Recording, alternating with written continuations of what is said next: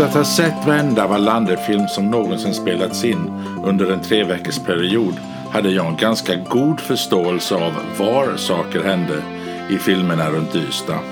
Jag fick även god hjälp av de broschyrer och kartor som finns på nätet och på Ystad Filmstudios om var de olika platserna låg.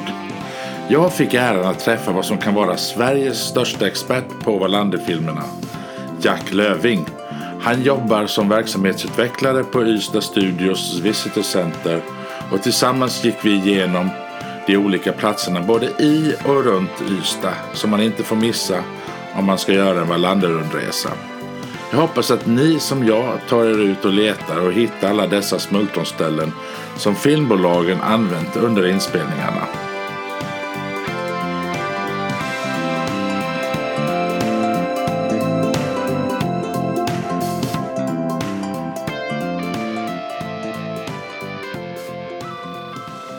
Jag sitter i Ystad Studios med Jack Löving och eh, tanken att vi ska berätta lite om en resan runt för att hitta alla Wallanderställena i Ystad med omnejd. Ja. Eh, Men jag tänkte först kanske vi ska börja med att berätta om Ystad Studios och dess historia. Eh, Ja, absolut. Det är ju, man kan ju säga att det var ju här allting började. Eh, Ystad Studios grundades ju 2004 eh, i samband med att man producerade de första Wallander-filmerna i Ystad. Eh, vi hade ju gjort Wallander-filmer långt, långt innan. Alltså, det började 1994 med Rolf Lassgård. Men eh, 2003 eh, så såg man potentialen i en eh, luftvärnshall som eh, stod tom på Ystads regemente. Eh, och då tog man tillfället i akt och, och eh,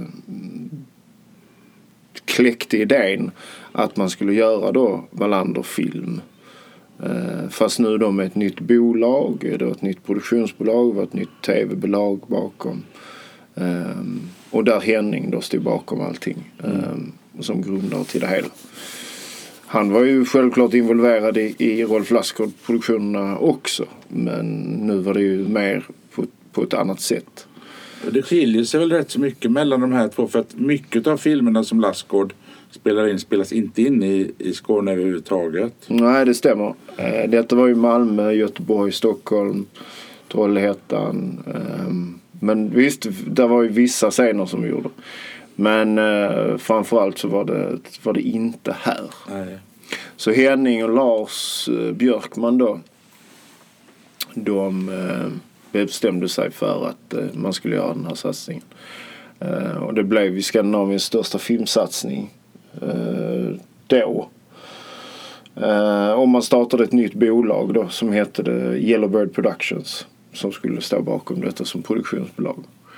Eh, Men detta skulle ju också innefatta och innebära för Ystad som stad att man skulle få en helt ny eh, industri. Man skulle få en filmindustri helt enkelt.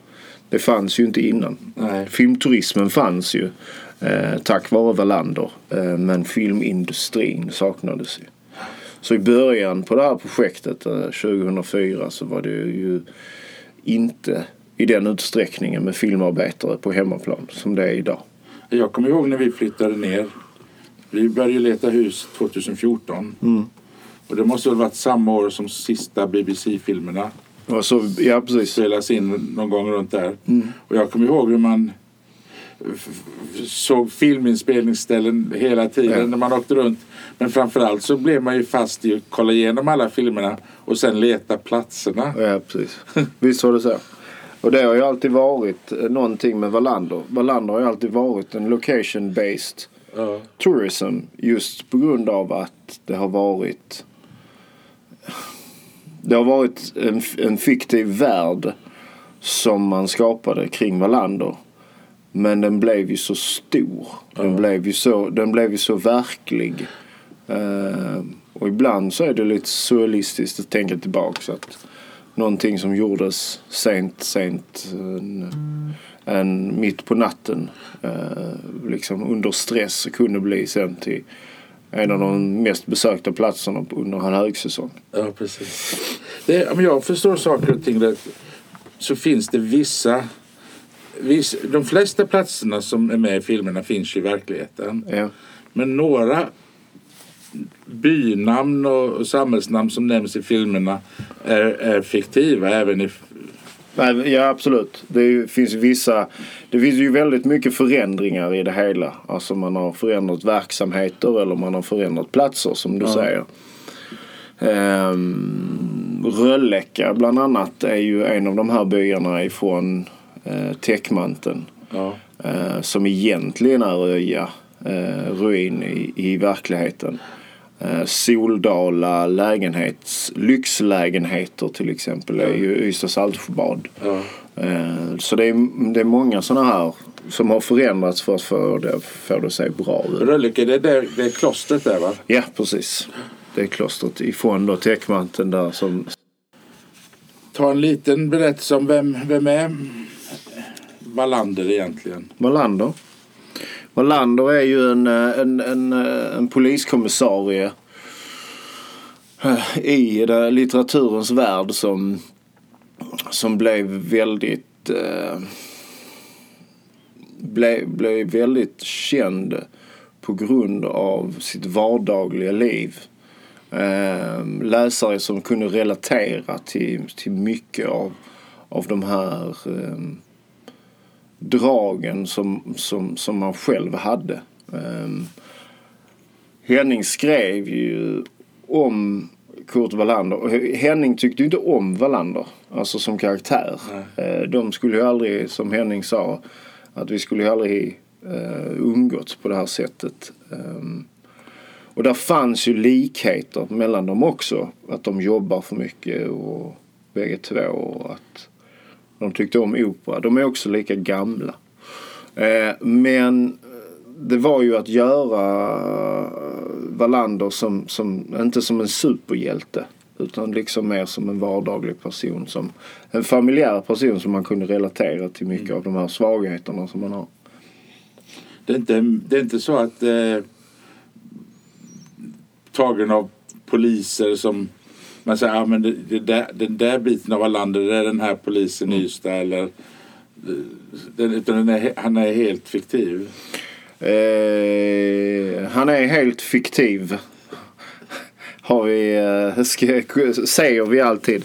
Men självklart, det, jag menar, allting eh, har ju en inspirationsplats. Ja. Har en referenspunkt och liknande. Vad har, vad har Mankell för någon anknytning till Ystad? Eh, ja, alltså Henning bodde ju utanför Ystad. Eh, och sedan så, så var ju Ystad en väldigt speciell plats. Just då på grund av att han, att han inspirerades eh, till de här historierna här. Ja. Eh, det här går ju tillbaks till 1989. 88-89. Där det begås ett ganska så grovt inbrottsrån utanför Ystad. I en liten by som heter Knickarp. Och det här, eh, det här dådet då, det är alltså ett ganska brutalt inbrottsrån. Där, eh, på en hästgård där ehm,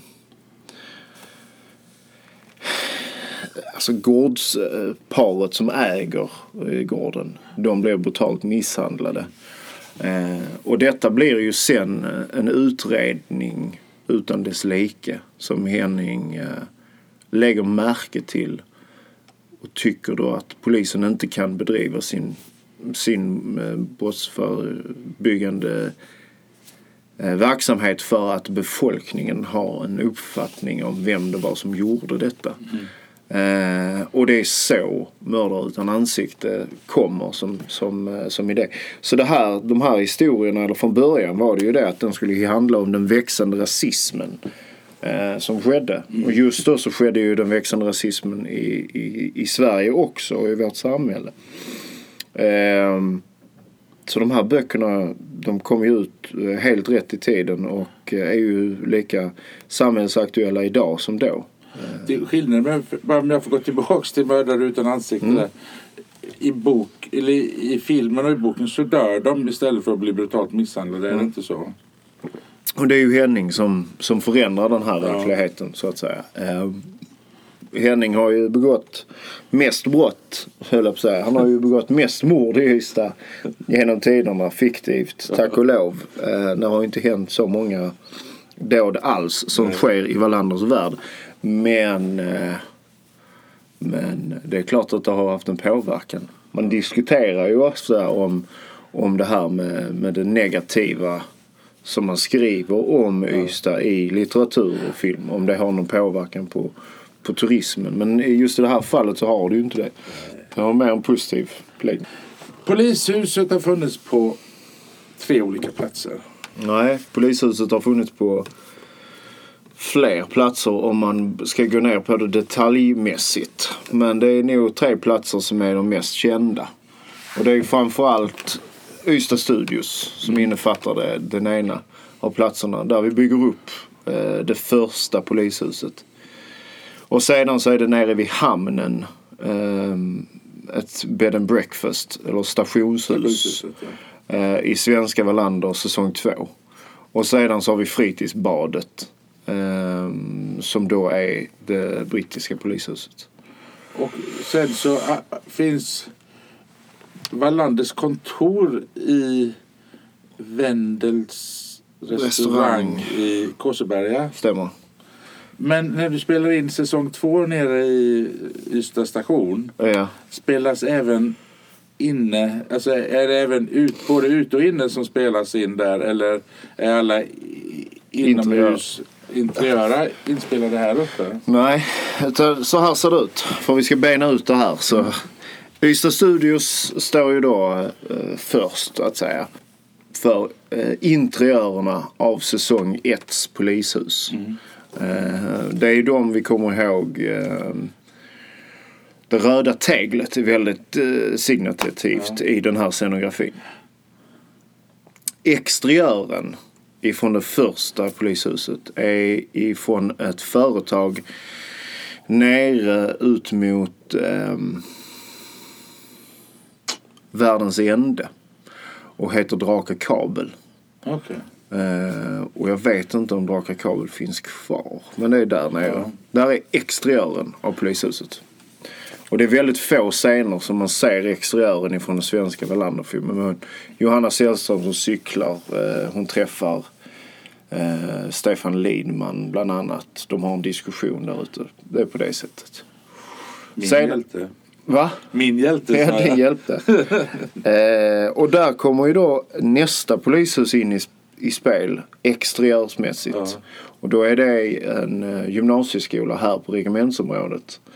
Den är ju mest känd ifrån sitt te- sin tegelbåge Ja, som man går in och går ut i. Det är väl så fort man kommer in här egentligen. Ja. Första eh, parkeringstorget. Precis. Första på höger sida.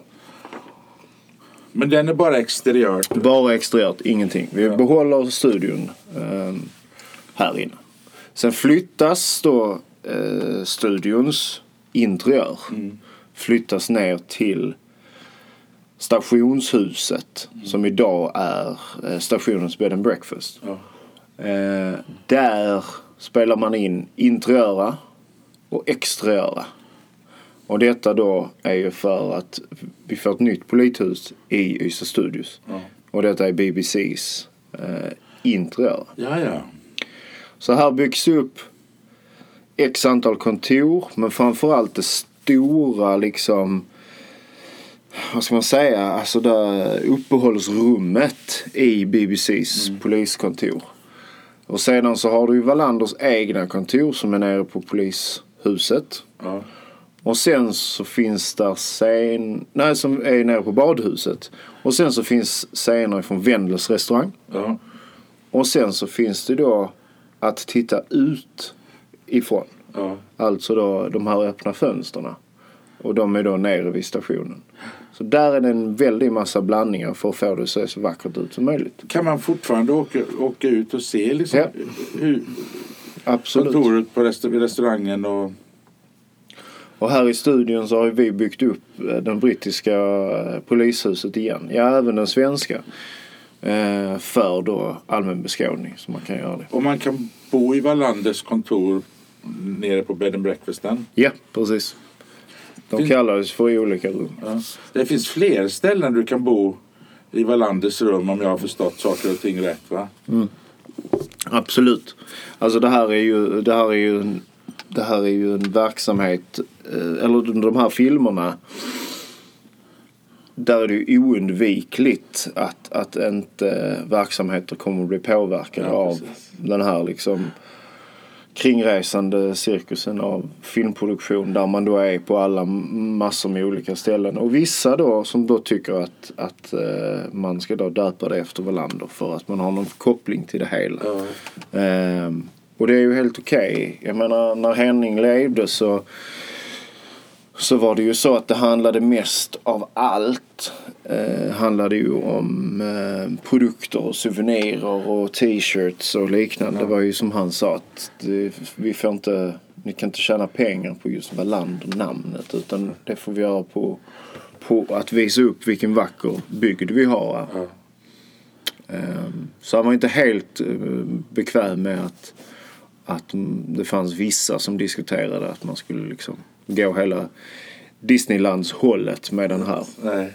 Samtidigt så är det väl rätt så bra för, nä för näringslivet Absolut. r- runt om här att, att det har hänt så många mord i Ystad. Ja visst är det det. Och jag menar om du tittar på Tittar du på allting som har skett, alla mord och alla inspelningar och alla som har blivit påverkade så är det, det, är, det är ju få verksamheter och det är få ehm, det är få verksamheter som faktiskt hade, som hade kunnat beröra så pass många inom näringslivet som, som då filmen har gjort.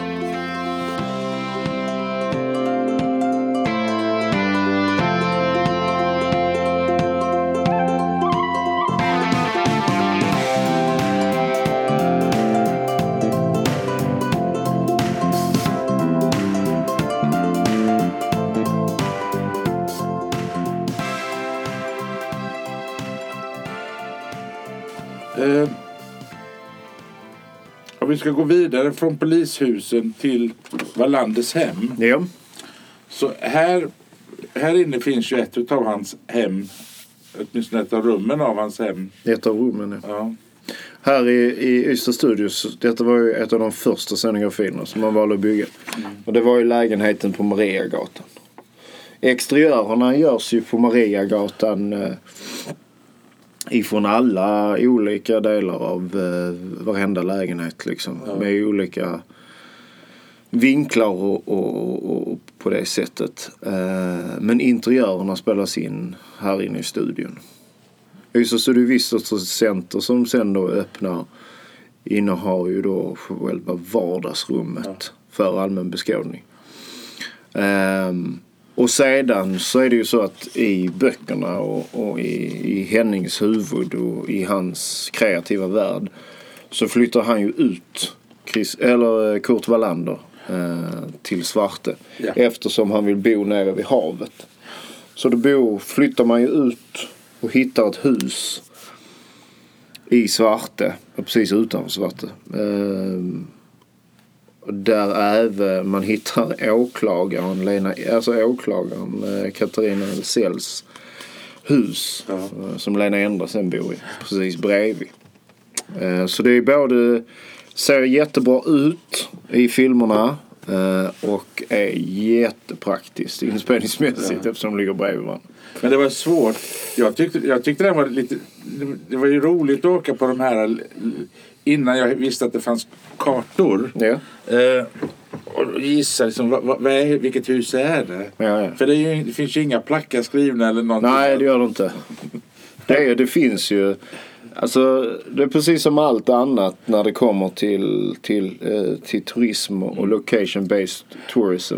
Och det handlar ju om att i början är det jätteroligt att låna ut sitt hus till, Ja. till en filminspelning. Eh, sen när man inser vilken succé filmen är Ja. och sen när man blir påverkad av att där står folk i din trädgård för att Titta. titta. Eh, då helt plötsligt så börjar man, börjar man ångra sig lite. Eh, I Ystad så är det väldigt speciellt för befolkningen som bor i Ystad har ju alltid varit väldigt välkomnande och väldigt Ja. öppna till detta. Eh, och befolkningen i Ystad har ju alltid sett vad det innebär eh, på framförallt under juni, juli, augusti, september när han springer då jättemånga människor som undrar var är Wallander någonstans. Så alla har blivit påverkade på ett eller annat sätt. Och då kommer vi till ett hus som inte jag har hittat någonstans. Och det är ju BBCs hus på landet. Jaha, ja, ja, ja, ja. I, eh, är det, är det Beijersgatan eller Skarviken? Eh, Det måste vara, jag tror det ligger någonstans mellan Mossbystrand och eh, Svarte. Pratar du om... Eh, Alltså när han, flytt, han flyttar ju även ut på landet själv i BBCs filmer. ja.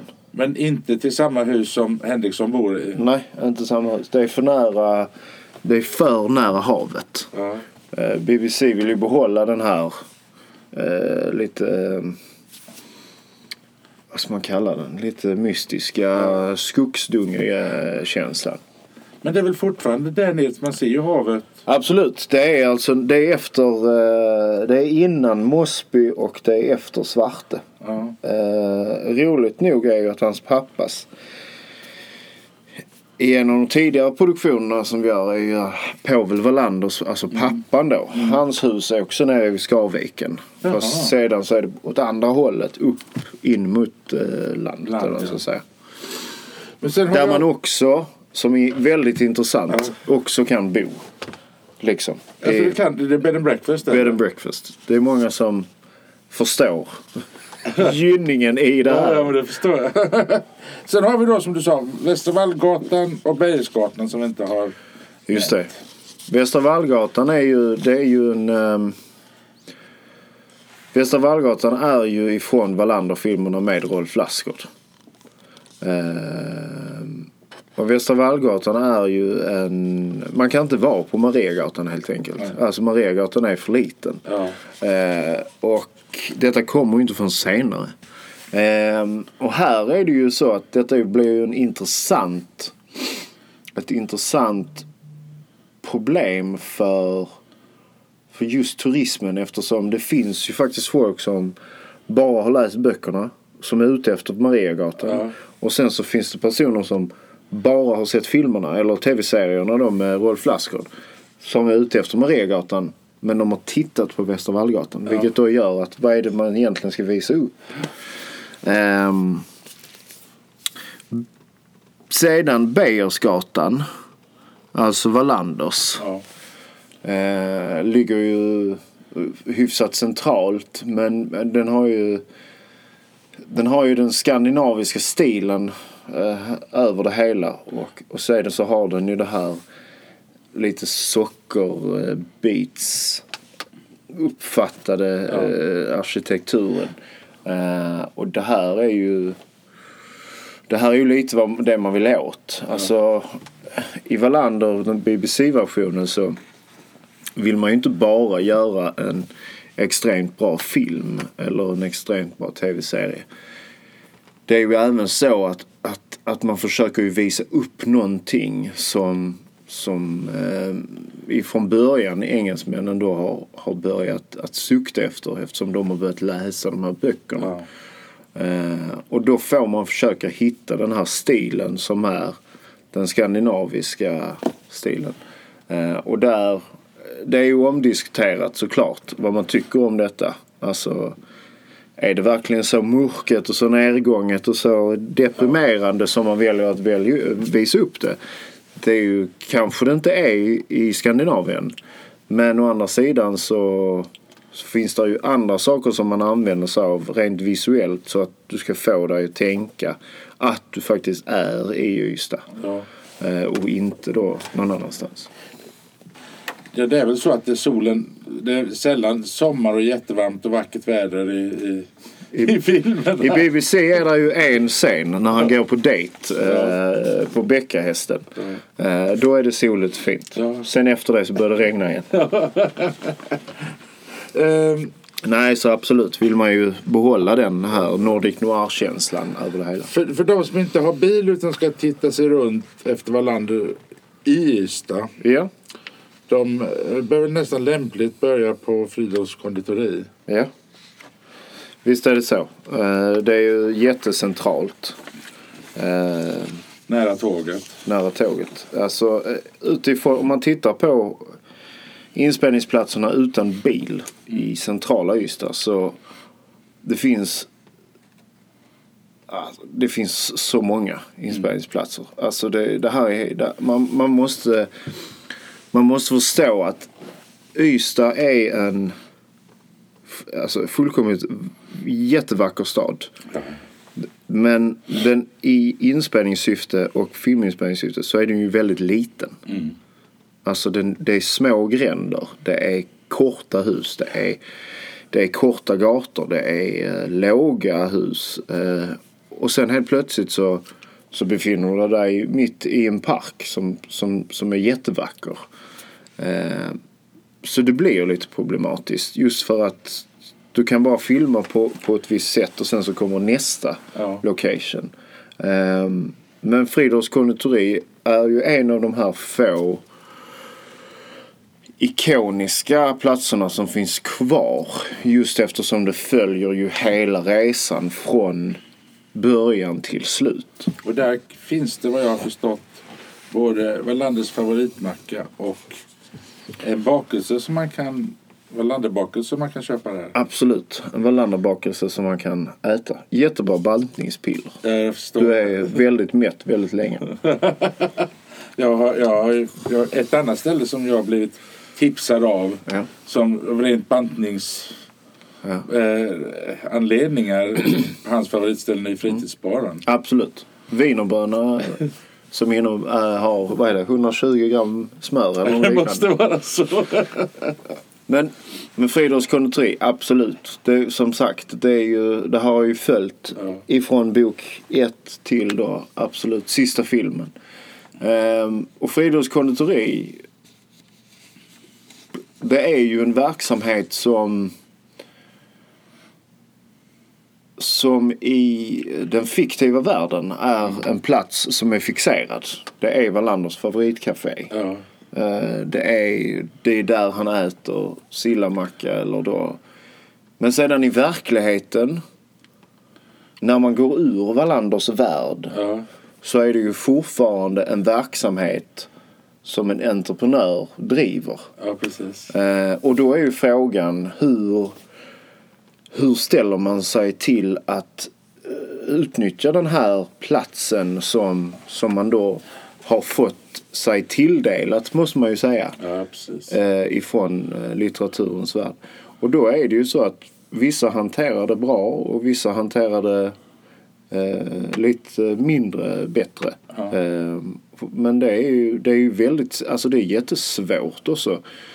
För om, du, om man bara vill ha ett litet café som man driver lite vid sidan av för att det har varit en barndomsdröm. Absolut. Då, då blir det ju helt plötsligt något väldigt jobbigt att det liksom vallfärdar turister in här ifrån Wallanders värld. Där man absolut inte har någon aning om hur man ska hantera det här. Nej. Eh, och sen så har man ju verksamheter som Hotel Continental som, som ver, verkligen vär, värnar om just, just det här med, med Wallander. Men jag förstår saker och ting. så Är Hotell Con- Continental Sveriges äldsta hotell? Om jag har förstått rätt så är det Sveriges äldsta eh, verksamma hotell. Okej. Något liknande. Het, hette det inte hotell innan eller hur? För måste, måste jag, kringresande måste jag haft ställen att bo på in, innan, Ja. innan dess. Nej, jag vet faktiskt inte. Men den är med, vi pratar om Ja. Hotel Continental, den är med i en hel del filmer den också. Ja, absolut. Alltså Hotel Continental, precis som eh, Ystad Saltsjöbad, är ju med i de här filmerna. Så, och det är ju mycket på grund av att det finns väldigt bra med plats och vara flexibel med inspelningsplatser och hur man ska göra just interiört. Hotel Continental som då också innefattar Wallanders stambord till exempel. Eh, och även med i Afrikanen. Ja, precis. Men, men eh, jag har för mig att när, genom att titta på filmerna att både eh, bröderna M och ehm, vad heter den uppe vid torget? Ehm, Upp eller ner? nej, eh, det kan heta Cadi, La Cardinal. La Cardinal. är väl också sådana här ställen som frekventeras. Ja, absolut. Framförallt där han brukar sitta och dricka sin öl och, och glömma pistoler. Och... Ja. Det är, nere på, det är nere på restaurang Prins Charles faktiskt. Det är en annan restaurang. Eh, Men de tre restaurangerna så att säga har ju en väldigt speciell relation till filmerna. Ja. Börjar man med La Cardinal som är, ligger uppe vid Mattorget eh, så är det ju så här att detta är eh, detta är ju stamstället för Christer Henrikssons karaktär Ja, eh. Kurt Wallander. Eh, och det är bland annat här som man gör en scen ifrån innan Fosten där han pratar med sin dotter Linda just om deras relation till, till hur, hur hon ställer sig till att han har varit eh, frånvarande och polis Ja. hela hennes liv. Eh, och det, den, den scenen är ju nog en av de mest ik- ikoniska scenerna i hela Wallander-satsningen när de båda står och pratar. Eh, och det är ju då ifrån La Cardinal som man sen frekvent kommer tillbaks till. Och det är väl därför man kommer ihåg just den Ja, bilden. I, det i den- det blir som att man... Alltså även om, om han, har, han har andra stamställen där Kurt Wallander hänger på så är som du säger den, den, den scenen där du ser den restaurangen är förknippad med just den här det här mötet som de har. Därför blir den så ihågkommen. Samma, samma sak är det med Stortorget och Ja. när, när militärerna Dundrar in dundrar in. Ja. Och, i hämnden ja. precis. Absolut. Visst är det så. Men Bröderna M, om vi går tillbaka Ja. till restaurangen. Så Bröderna M är ju... Bröderna M ligger ju nere på eh, Hamngatan. Precis bredvid Hotell Continental. Och Bröderna M är ju väldigt, väldigt speciell eh, eh, location och plats. Och det är ju på grund av att detta är ju alltså Foffos restaurang en gång i tiden. Ja. Där allting begav sig. Eh, där, man, där Henning i böckerna liksom skrev om just Foffos restaurang. Eh, och där turister vallfärdade så kom till ägarna och liksom ville sitta och dricka öl med dem och prata om, om, om saker och om Wallander. Ja. Ehm, och sen då igen så har vi det här med att man går ut ur, ur Wallanders värld och kommer till verkligheten. Eh, och då självklart måste liksom entreprenörer få göra precis som de vill. Så att då är det ju så att det är en annan kedja som tar över. Eh, en annan viktig plats nu är vi inne på restaurangspåret och som jag tycker är som jag också säger central. Det är Kings, Kings Head Ja. och, och fotografen. Ja. Kings Head eh, är ju alltså det- en anrik pub i Ystad kan man säga. Eh, och restaurangen, eller vad ska man säga, puben i sig. Eh, spelar ju inte bara, det är inte bara i fotografen men det är i fotografen som den, den får sin huvudroll kan man säga. Ehm, och sen så är det ju så alltså att, att man, ska inte, man ska inte glömma att, att Kings Head var ju liksom klassisk mark, klassiskt vattenhål för alla som, som har jobbat med filmerna. Ja. Ehm, så eh, absolut, Det är riktigt ölhak. Ja. det är ett riktigt ölhag. Eh, det sägs att de serverar Wallanders favoritwhisky. Ja. Vad är det? Ja. I det är ju så här, det, där kommer man ju igen med, med olika eh, med olika råd och rön. Ehm, bland annat i den engelska ehm, den engelska Wallander så, så dricker ju inte Wallander whisky. Nej. Där dricker han ju rödvin ur bag box. Ja. Eh, för där tycker man att det är typiskt svenskt. Eh, men då om du tittar på att man, att man förknippar just det här whiskydrickandet med Famous Grouse. Så är ju detta på grund av att, att, att den här grouse, den här, eh, vad heter det? Tjäder.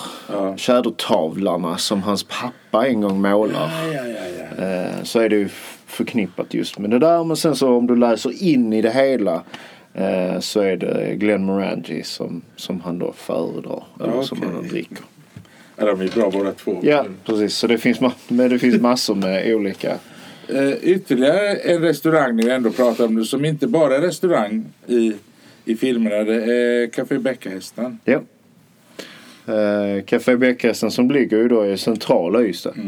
Eh, mitt i smeten. Uh, som är jättepopulärt under sommaråret eh, när vi har som mest turister här. Ehm, och där är det ju så att, att eh, det är väldigt, väldigt, väldigt eh, distinkt. Alltså det är rött och vitt. eh, där man då känner igen det här direkt. En av de mest kända scenerna är ju när Wallander går på dejt. Som vi tog innan.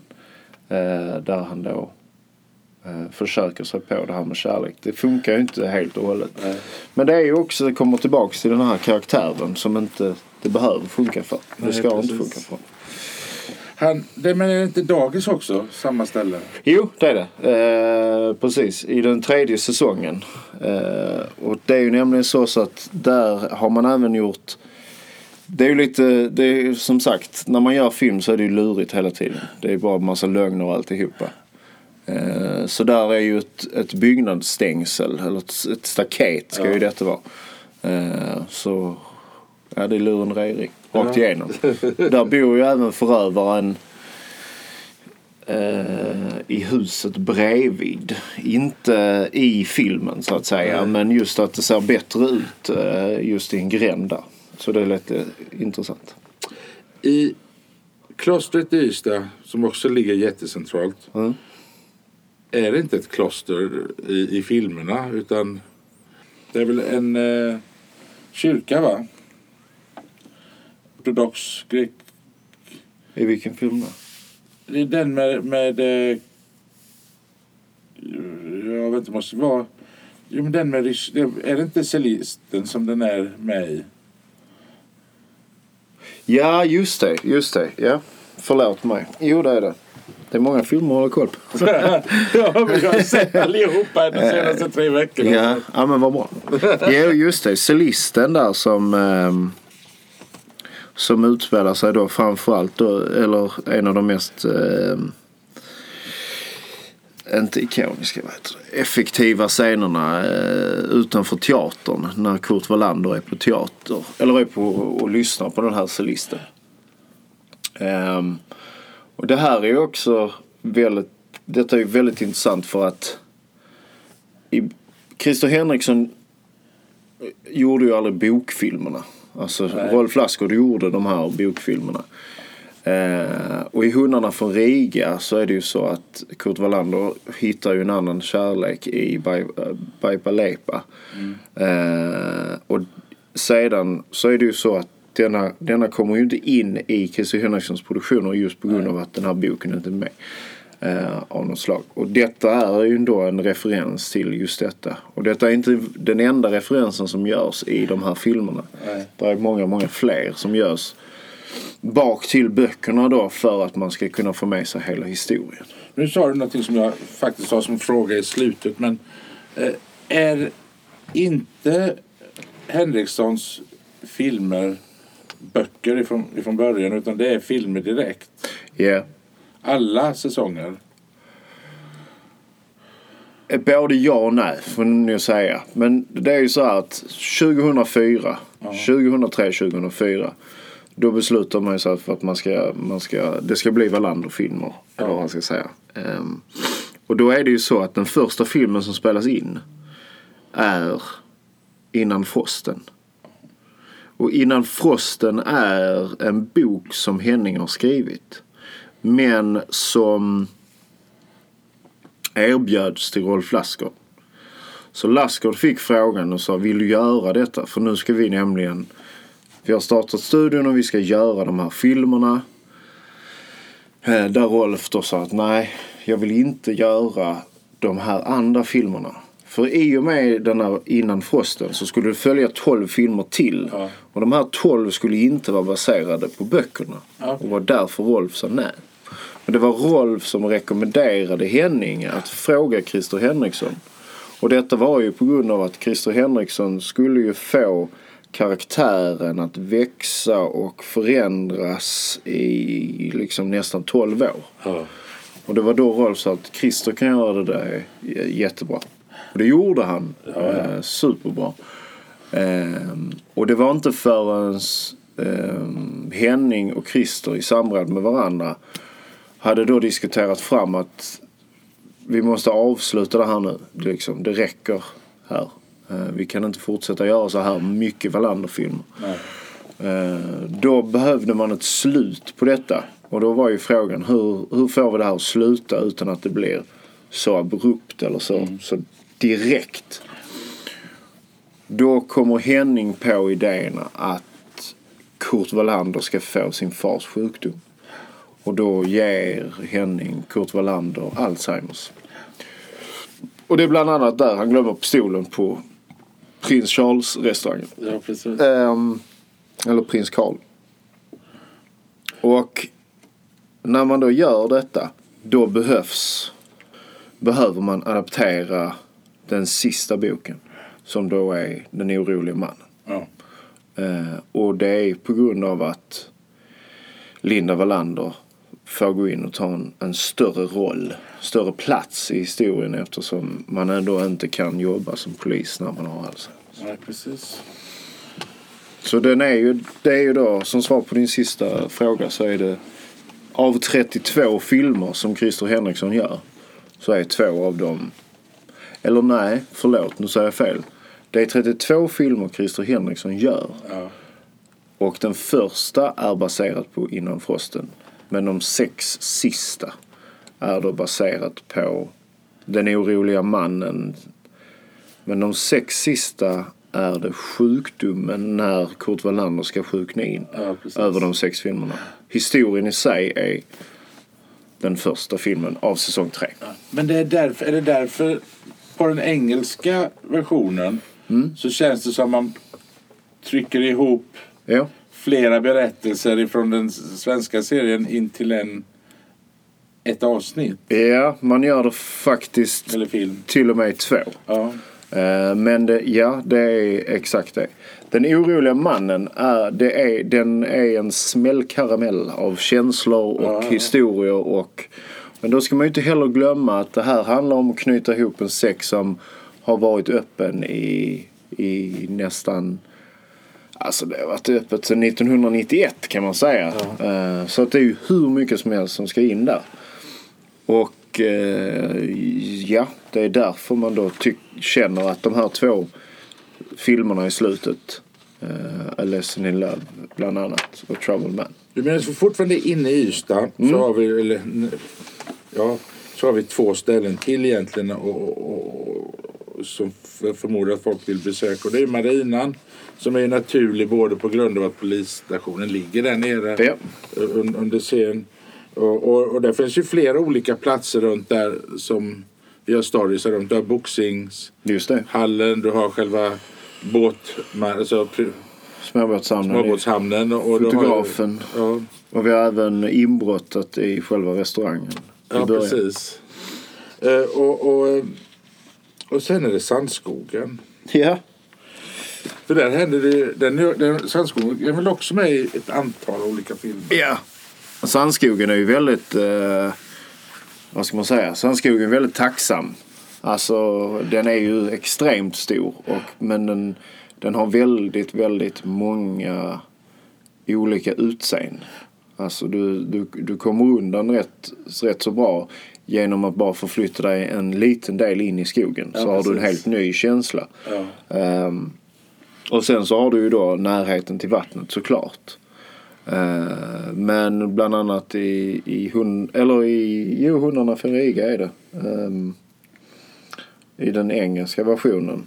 Just när man då har de här långa, långa, långa skotten och de långa scenerna med de långa, långa eh, grusvägarna och, och emellan de här höga träden. Då får man ju fram det här Nordic Noir-känslan över att det kanske inte är så jättesäkert att gå där. Även fast det är det. Men man får fram den här känslan. Det är ju en fanta- bara, bara för turister är det ju, det är ju rent fantastiskt område att att traska runt i. Jag menar, dessa hus som är byggda som miniatyr Ja. Djursholmsvillor.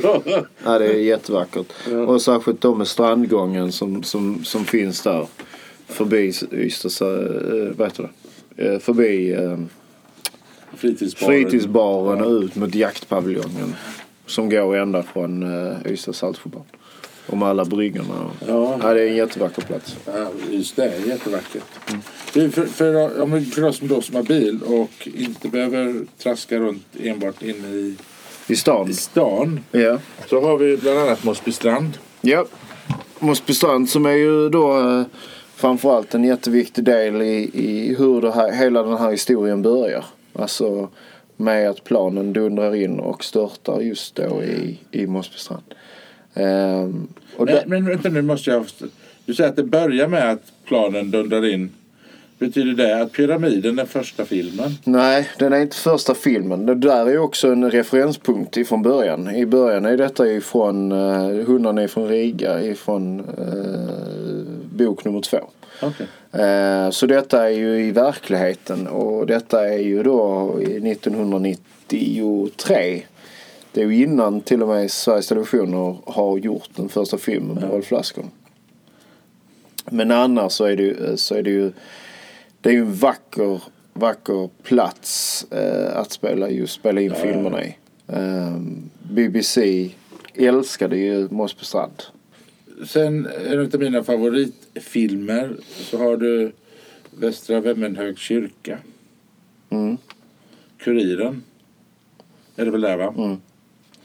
Kuriren som måste ha sin slut, slutdestination på, på brofästet Ja. långt, långt härifrån. Där, där, har du, där, där har du en helt annan turism Ja, än just den här med Kuriren. Eh, och där är alltså Svenska kyrkan och kyrkor och kloster och Krageholm och, och alla de här natur... Alltså de platserna som är vackra i sig och de som har redan har det här besöksmålet målet i sig. De får ju en extra boost av just detta. Ja. De får ju liksom att här kommer det med. Nej, nej, nej, det, det, det, renoveras ju den här kyrkan under tiden som man spelar in filmen. Är det en verklig renovering som höll på samtidigt eller byggde man upp allt det där bara för filmen? Ja, det är en verklig renovering. Det var det? Ja. Så man får arbeta sig utifrån det. En av de, de, de tråkigare sakerna är ju i, eh, är ju i, ehm, i eh, innan frosten. Ja. Eh, som är gjord i en kyrka utanför Trelleborg. Jag har glömt exakt vad den kyrkan heter. Den har ju en hade en duvkoloni i så att säga.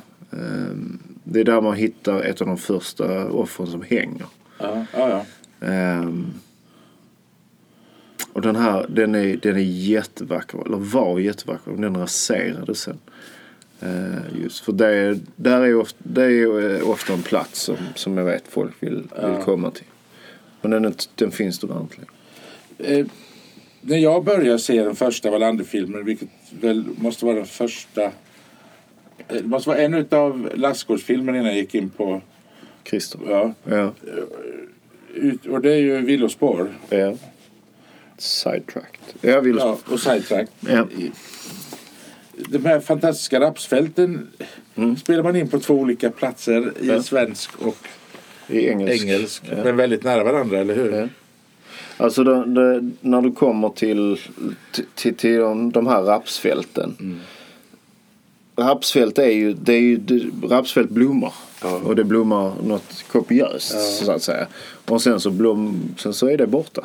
du har en kort stund. Det är bara en kort stund och sen så blir det ju väldigt, väldigt vackert. Ja. Skillnaden här i de här två historierna är ju det att de, de engelska, alltså BBC's Wallander, dessa rapsfält är ju Alltså det är ju nästan så de är radioaktiva. Ja. Alltså de lyser ju. Jaha.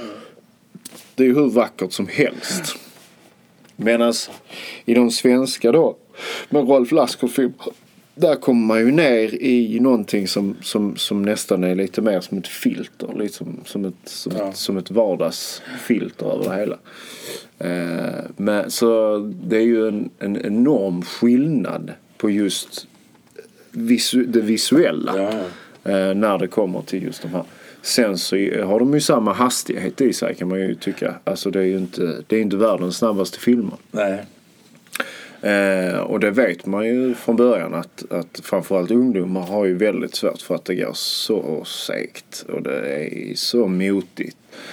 Eh, och det ska ju gå så här jättesnabbt hela tiden. Eh, så det är ju intressant. Men det är väl lite det som gör att både, både Wallander-filmerna och Bron Ja, ändå blir så omtyckta. Det har en annan pace än, ja än man är van att kolla på, på amerikanska actionserier. Mm. Alltså den, den, den hastigheten som, som sen kommer till att bli ett eget begrepp som heter slowwatch. Ja. Eh, Just med att det, det måste sänkas ner för att du måste läsa undertitlarna, du måste liksom hänga med, du måste förstå vad är det som händer. Blir det ju, blir det ju blir det väldigt mycket bättre. Men bron är ju extremt bra på det sättet. Du, I en av de engelska, i de engelska filmerna Mm. så har man valt att tidningar som man ser i filmer Mm. och sånt där, de är på svenska och inte på engelska men allting annat är, är Ja. på engelska. Men det är ju inte bara tidningar utan det är ju det är faktiskt mm, allting som komma skall visuellt uppvisas i tv. Det vill säga det är sms, det är mail, det är tidningar, det är allting.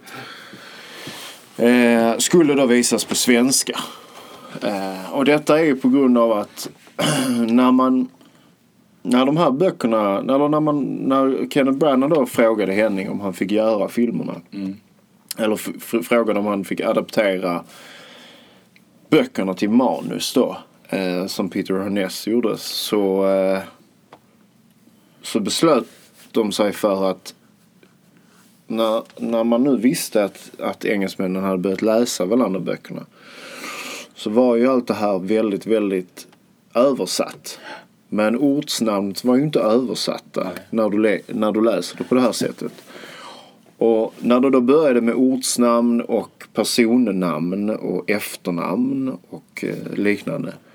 Då beslöt man sig för att förhöja detta svenska, för svenska det lite liksom.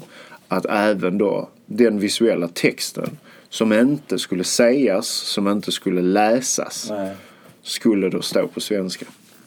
Men stämmer korrekt, vilket är väldigt intressant.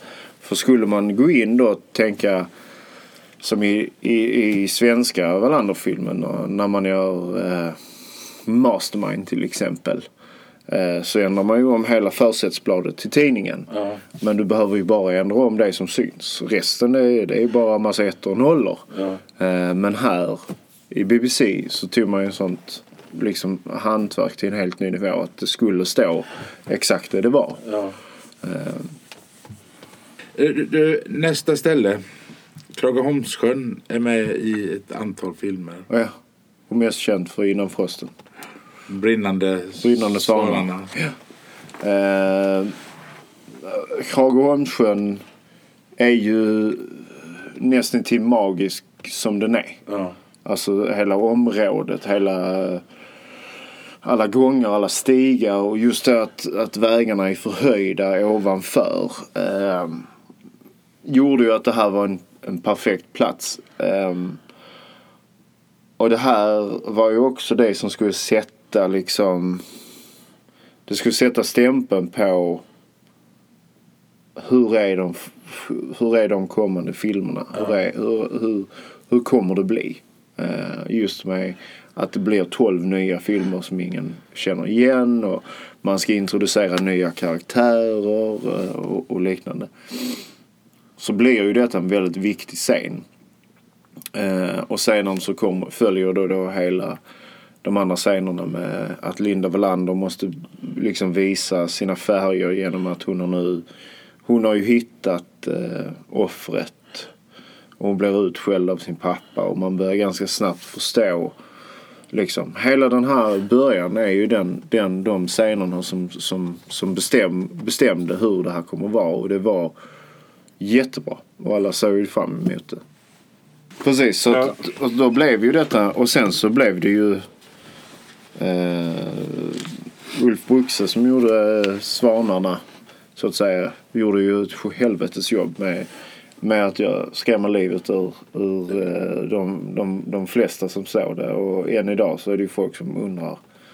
Även fast man vet att film inte är på riktigt. Så Ja. jag undrar om, om inte just det var Ja, det riktigt. ser jätteverkligt ut. ju. Men den är väl, eh, Kragaholmssjön är väl med i Femte kvinnan och Vita lejoninnan. Och eh, många av de brittiska, alltså det finns många, många, många sidor på just den här, den här sjön. Även Snogeholmssjön eh, har man ju sen kommit ner till och filmat också. Svaneholms slott har jag för mig att jag har sett i en av filmerna men jag ser aldrig den med i kartorna. Nej, det stämmer. det stämmer. Alltså det här är ju en, det här är en balansgång. Eh, det finns fler slottsmiljöer. Eh, det finns fler eh, herrgårdar. Det Ja, finns mer, men det finns mer ägor. Ja. som har lånat ut sina, sina platser. Men då med reservation för att det ska inte räcka där. Utan, och sen, men sen vet personerna i fråga vet och är fullt medvetna om att det här är så stort. Ja. Så att de fansen som faktiskt vill ta reda på det, de gör De det. löser det i alla fall. De löser det. Eh, och sen får man ju då artigt säga att tyvärr, det här, vi, vi kan inte säga. Jag hittade någon, en karta till som jag inte ens visste fanns som, på nätet som någon hade lagt upp. Jaha. Jättespännande. På tal om det. Det finns ju ställen i filmerna nere på liksom, hamnområdet, industriområdet här nere som man inte heller finns utmärkta höll jag på att säga. Ja.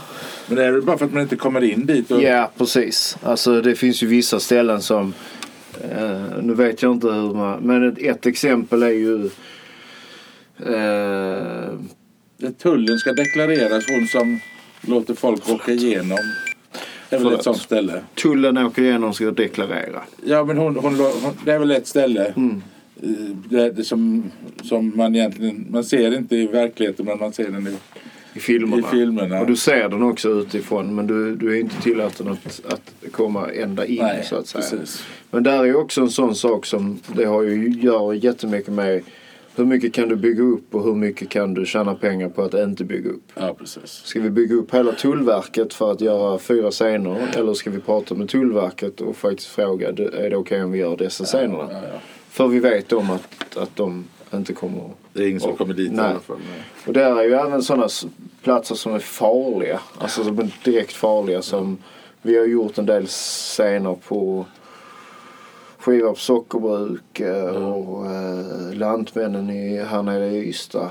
Eh, som är direkt farliga för folk. Och jag tror inte man får ta sig in men Nej, om, man nu får, får det. göra det så är det direkt farligt. För att det, det filmades ju under skyddade former. Och, Ja, och sockerbruk det finns ju inte kvar. Nej, precis. Så det, det Du, Fyledalen.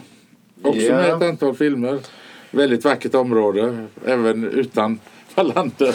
Även utan Wallander. Slaget om Fyledalen. Nej, visst är det det. Men det, det, det är också det att Fyledalen... Just Fyledalen är ju en, en, en sån vacker plats. Ja. Alltså, det är nästan exceptionellt vackert. Men, men och där, där allting... Det blir så effekt, effektfullt. Det, blir så, det blir så jäkla vackert. Eh, vilket då gör att hela den här mordhistorien som ska förläggas eh, i Fyldedalen. Det blir ju mest effektivt. Just för, det är precis som kullerstenen i, i Gamla stan. Ja, precis. Den gamla teaterkvarteren nere i Ystad, de är ju jättevackra med klätterrosor. Och då är det ju liksom perfekt att slänga in ett lik där. För Ja, ja. att då, då blir det mest effektfullt. Fyledalen är, är en sån här plats. Den, en av ställena som jag tycker är vackrast att åka till och som har varit med också i, i många filmer det är ju Kåseberga, Alestenar och Hammars backar. Ja. Men Hammars backar, kommer man till det som privatperson? Är inte det militärområde? Militärområde. Nu, håller man, nu, nu vet jag att man, man håller på att diskutera detta. Ja. Hur man ska göra liknande. Eh, men eh, jo, det krävs eh, specifika tillstånd och liknande. Hammars backar är ju framförallt mest känt i, filmens värld från Bästa av mödrar som vi gjorde. Men också i Wallander. Kåseberga och Ale Stenar är ju väldigt intressant just för att Rolf Lassgård har ju varit uppe på Ale Stenar och hållit sig en liten charmig picknick. Eh, och sen så har vi kört en, en, en motorcykel rakt ut för, från det ena stupet. Eh, så det, där är också en sån här grej. Alltså Ale Stenar är ju det är otroligt vackert. Ja. Men man, man ska inte få glömma vad du står för för plats. Det är väldigt lätt att glömma när, när man spelar in film. Det är stressigt, det är väderberoende, folk står och väntar och så Ja. vidare. Vilket då gör att man ganska lätt kan inte, inte förstöra platser men man väldigt lätt kan tänka lite ovårdsligt. Ja. Liksom. Och där är ju en sån sak som absolut inte får göras när det kommer till Ale Stenar eller Hammarsbackar eller många av de andra platserna som man har fått tillgång till. Eh, och då blir det ju väldigt så Det finns ju en viss stolthet i att, att, att det har skapats någonting så pass stort så att det faktiskt finns på tal att det är okej att köra en motorcykel rakt ut genom Ja. fornminne och, och spela in en film. För man vet värdet av det här. När, när, när vi flyttade ner, eller året efter, så har jag för mig att det står, stod Kosowood uppe på en av backarna. Men Ja, det gjorde det. det försvann sen ganska Det har snabbt. försvunnit men det stod Kåsewood där uppe. Så eh, det, det har kommit jättemånga roliga sådana här grejer. Eh, ja men det var väl de. Eh, Har jag, har jag glömt någon plats som är viktig i filmerna tycker du som man borde åka och titta på? Eller har vi, har vi täckt, täckt de allra vi- viktigaste? Alltså jag tycker att vi har täckt de allra viktigaste platserna. Eh, det finns ju hur många platser till som helst som man kan rabbla upp och som man kan rekommendera eller som man kan säga att här eh, borde man eller inte. Men det, det absolut bästa är ju såklart att, att se filmerna Ja. och, och utforska lite på egen hand. Ni har en guide man kan köpa här i Ja. Ystad Studios. Det har vi. Detta är ju en guide som vi, en av de sista sakerna som vi gjorde med eh, Henning. Som är liksom en komplett guide över väldigt många av inspelningsplatserna. Både i centrala Ystad men även då Ystad med omnejd. Ja.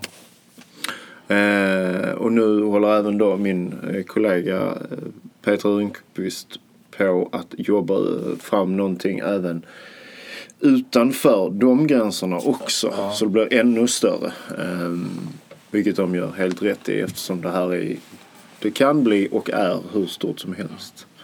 Och, eh, men skulle man, eh, skulle man fråga så här om man tittar på dessa platserna som vi har gått igenom och det är någon distinkt som, som just saknas. Så för mig personligen så är det det är biten ifrån Långgatan ner till teater som heter Teatergren. Ja. Den eh, scenen med när Kenneth Branagh är då som Kurt Wallander i, eh, när, i eh, alltså han har varit på teater och lämnar teatern. Och här är när han får sitt första liksom Alzheimers Ja. attack. Där, den är... Ja, det är gåshud på den. Det är riktigt bra skådespelare. Nej, det, men det, jag tycker det är fantastiskt. Det är fantastiskt bra skådespeleri och framförallt det här att man, när man följer dem. Vi, första gången vi gick igenom alla filmer var precis när vi hade flyttat ner. Och vi fick våra favoriter. Vi fick de här, roll, de här personerna som vi eh, gillade nästan mer än Wallander ibland. Stefan är ju en sån Ja. där som man tycker, han är ju skitskön ju. i- Och Stefan är ju till och med inlånad. Han är ju inlånad från en annan bok som, som Henning har skrivit. Ja. Som heter Danslarens återkomst. Dansmästarens återkomst. Ja. Som, eh, som, det är ju där han har sin huvud, huvudkaraktär som lånas in därifrån. Så det är, det är en värld som är större än vad många tror. Ja, det förstår jag. Eh, öppettider här nu på, på Ystad Studios. Ni är inte öppna året om mer än för arrangerade? Ja, vi är öppet året om eh, även för dagsbesök. Okej. Och det är måndag, torsdag 10 till 16 och så lördagar 10 till 16 också. Det finns kartor att ladda ner från Ystad kommun. Ja. Guidade turer. Du har eran, eran bok eller häfte. Mm. Eh, Det finns interaktiva kartor också. ja, precis. Ehm, just om platserna. Och sen så finns det ju såklart Visitor Center som, som är jättehjälpsamma om frågor. Det fanns en app en gång i tiden men den har försvunnit va? Ja, i Wallanders spår fanns, eh, den fanns innan men den underhölls inte på, på detta sättet. Och då var det, lite, det var nästan, det var ju bättre att då plocka den. Den är inte borta helt och hållet, den är bara eh, tillbakadragen. Du, jag har för mig att jag förstod när, när Mankell gick bort att det, det skulle vara de sista filmerna. Liksom han ville inte att någonting skulle spelas in utan honom. Men nu spelar man ju in unga Wallander Mm, med Netflix. med Netflix. Hur, Ja. hur kommer det sig? Alltså det här var ju en diskussion. Eh, den här diskussionen eh, kom ju eh, när Stig Larsson gick bort. Ja, okej. Och det började det diskuteras för att Stig la, la, han eh, skrev ju inte klart Nej. Hela den här historien och sen efter kom David Lagerkrans och jag för att göra en, en lång historia kort eh, så var det ju så att David Lagerkrans sen skrev färdigt den fjärde bok, Ja. boken. Och det mottogs med vissa som tyckte att det här spelar ingen roll, Nej. whatever. Och vissa som då tyckte att nej, så här gör man inte. Henning var en av de som tyckte att så här gör man inte. Nej. Och därför så diskuterades det då eh, vad, vad som kommer hända efter Henning går bort. Henning var ju väldigt sjuk. Ja. Eh, och sedan gjorde ett offentligt uttalande om att, att han hade blivit bättre. Eh, och sedan så eh, ändrade man om i organisation och liknande och eh, familjemedlemmar fick nya platser i både filminspelningen och liknande och kunde börja föra sig och, för, och föra hans talan så att säga. Sen gick Henning bort. Och eh, det var ju precis liksom när de sista filmerna var, var färdigproducerade. Och den sista boken som han då hade skrivit där han ger honom Alzheimers av slag. Så hade man diskuterat fram att detta skulle inte bli någon fortsättning Nej. på detta. Eh, Men då var det ju så att då, då tittade alla åt det hållet. Ja. Fast det finns, fanns då vissa som tittade åt andra hållet. Och när det då blev väldigt populärt att göra den unge kommissarie Morse och eh, Sherlock och Ja, ja. liknande. Så eh, blev ju då eh, eh, Mankell organisationen kontaktade och eh, då tog man beslut efter det istället. Och det kommer släppas nu i sommar. Ja, i höst Höst. eh, skulle jag nog mer tippa det på faktiskt. Eh, Och det blir ju Adam Paulsson som nu ska axla rollen som, som just Kurt Wallander. Så han blir femte eller sjätte Wallander då. Han blir åt, sjunde eller åttonde som gör det. Faktiskt. Det är Christer Henriksson, det är Rolf Lassgård, det är Kenneth Branagh, det är Jäkel. Lennart Jäkel, Gustav Skarsgård, Adam Paulsson. Nej, ja och så är det en uh, italiensk skådespelare som jag glömt namnet på som gjorde det under en opera. Ja, Som- den som har varit här nere. Ja. Och sen då nummer sex eh, som är eh, Adam Paulsson. Ja. Och skulle inte förvåna mig om jag glömt någon. ja, ja. Du, jag tror att vi har gått igenom det vi behöver gå igenom. Det är så. Hoppas att folk kommer hit. Ta det här som första utgångspunkt. För här får du ju en väldigt bra bild av både Wallander-filmen och allting annat som händer Mm. i studiosarna här. Absolut. Det är en bra start. Det är absolut en bra plats att starta på. Ja. Jag får tacka dig så jättemycket för att jag fick komma. Tack så mycket.